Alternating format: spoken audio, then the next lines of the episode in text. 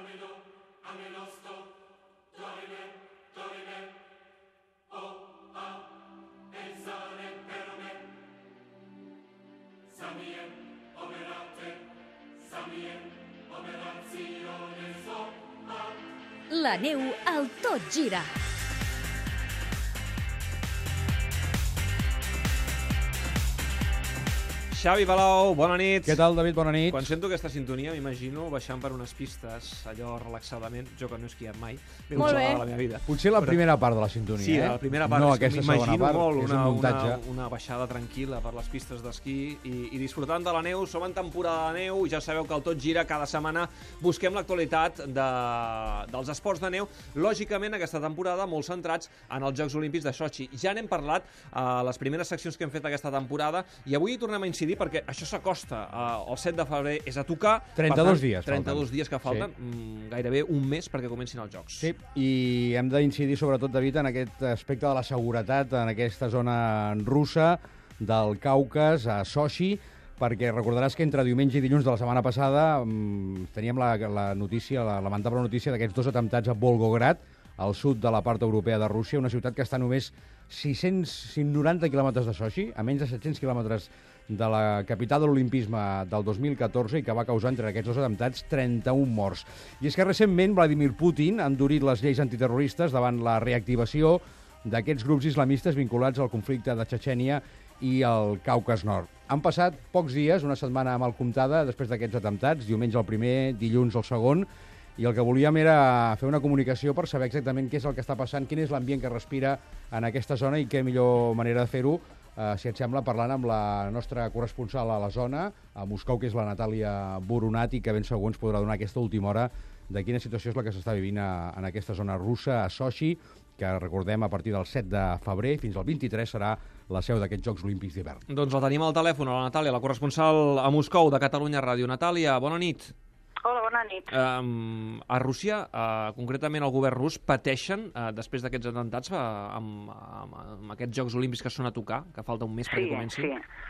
La veritat és que sí, sí perquè, bé, doncs es temia que fos una onada d'atemptats, perquè moltes vegades doncs ja ha passat en altres casos que comença un de molt fort, l'endemà n'hi va haver un altre, de moment aquesta setmana està tranquil·la, però tots els experts apunten que n'hi podria haver algun altre. Um, també diuen que segurament a Sochi, concretament a la seu dels Jocs Olímpics, no, perquè, perquè bueno, la, el desplegament de seguretat tan gran que s'ha fet sembla quasi impossible que es pugui organitzar algun atemptat del tipus de la setmana passada, però sí a la zona, a la zona d'aquí del Caucas, que és, que és un polvorí. I Vladimir Putin, doncs, sembla que sí que estan espantats, perquè hi ha una altra cosa que just ahir va fer un gest també de cara a voler tranquil·litzar una mica la comunitat internacional, perquè, bé, recordeu que ja havia fet molt, no?, esforçant-se a millorar la imatge de Rússia, fa un parell de setmanes amb les amnisties, tots els alliberaments d'aquests presos tan coneguts, com les noies de Pussy Riot, els activistes de Greenpeace, i tot això doncs, es veia no? com una operació d'imatge de cara als Jocs Olímpics, de millorar aquesta imatge de Rússia, que sempre doncs que sempre se li retreu que no, no es respecten prou els drets humans i així. Però clar, el tema del terrorisme doncs, se li ha escapat de les mans perquè malauradament encara és un problema molt gros per Rússia. Feia referència, Natàlia, a aquest, a aquest gest que ha fet Vladimir Putin en el sentit que havia aixecat aquesta llei pel que fa a la possibilitat de manifestacions, no? De, Sí, sí, sí, del dret a manifestar-se. eh, He començat a explicar altres coses i em referia a Sí, això. sí.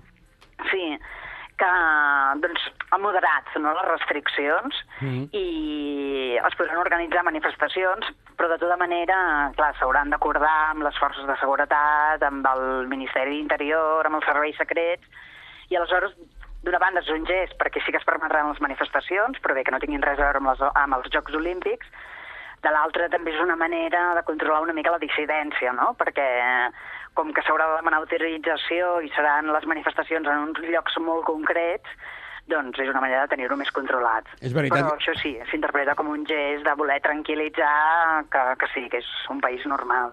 És veritat, deia que el Comitè Olímpic Internacional de moment té fe cega amb la feina que està fent el comitè organitzador d'aquests Jocs Olímpics d'hivern, amb, la, amb el govern de Vladimir Putin, però tu deies, eh, potser no a la zona concreta d'aquests Jocs Olímpics, però sí a la rodalia, eh, estem que hi pugui haver algun nou atemptat, i això no sé si podria posar en perill eh, la celebració, la, la, la, la normalitat de la celebració d'aquests Jocs Olímpics d'hivern, si passés alguna altra cosa més abans de, del dia 7. Mm. Ah, Està per veure, està per veure.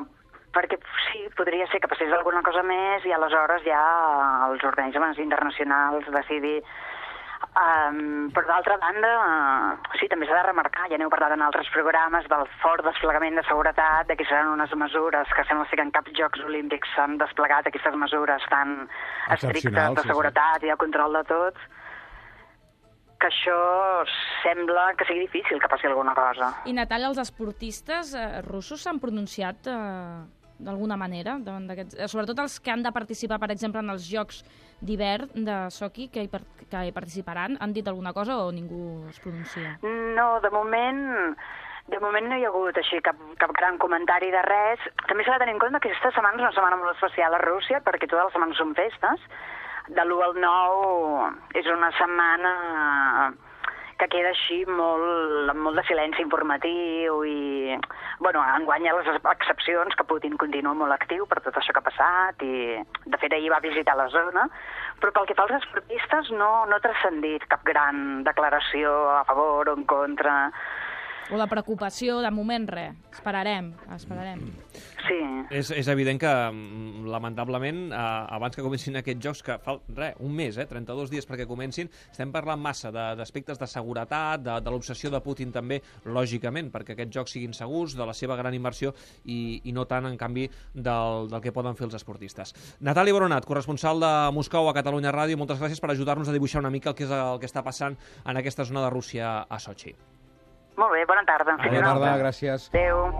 També has de recordar, David, que precisament el líder dels rebels islamistes, que és el Doku Umarov, que és l'enemic número u del Kremlin, ha amenaçat, o va, ho va fer a través d'un vídeo a YouTube, just després que se sapigués que Sochi, Sochi seria l'organitzador d'aquests Jocs Olímpics, eh, doncs a preparar i executar atacs de tota mena per impedir la celebració d'aquests Jocs. És a dir, que minuts després de la, de la decisió que Sochi eh, celebraria aquests Jocs, aquest eh, líder islamista, Doku Umarov, ja va advertir que hi podia haver-hi coses negatives, en aquest cas, doncs, atacs i, i atemptats. Doncs déu nhi déu com estan arribant aquests Jocs Olímpics. Uh, Palau, tens uh, a la gent del món de l'esquí revolucionada amb aquests mega regals uh, I que això està va creixent, eh? perquè hem començat Sí. amb, un, uh, amb un equip de roba tèrmica Otlo. Home, que ho digui el eh, Costa Freda. Costa Freda, allau de missatges aquesta setmana Totalment. per aconseguir el segon regal de la temporada. Era un pack de bars, eh, d'aquesta marca holandesa, que consta de guants, bufanda i gorro de llana, són superxulos, els hem penjat en aquesta fotografia. I això, doncs, la pregunta per poder optar a guanyar aquest eh, pack bars era aquesta. Quantes medalles va aconseguir Rússia als últims Jocs d'hivern de Vancouver 2010? Aquí hem pujat el nivell, eh? La primera pregunta I de la anirem, temporada. anirem pujant perquè Ah, els regals també aniran augmentant de, de nivell.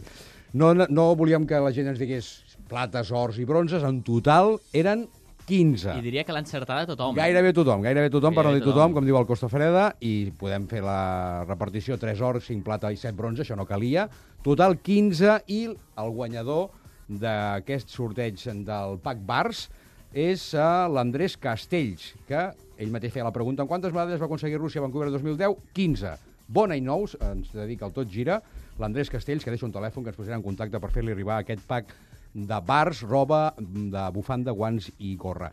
I deixo anar, si et sembla, David, la pregunta per la Sí, anava a dir que que tens molta gent pendent ara de la següent Doncs pregunta. el regal que penjarem Costa Freda la setmana que ve al Facebook, de moment no donem cap pista del quin serà el regal. Ah, ja i, veurem i, han d'estar pendents del Facebook els oients Correcte. per saber què es van poden endur. A partir de dimarts, entre dimarts i dimecres, deixarem passar el dia de Reis de demà i dimarts o dimecres penjarem aquest Han de regal. passar els Reis.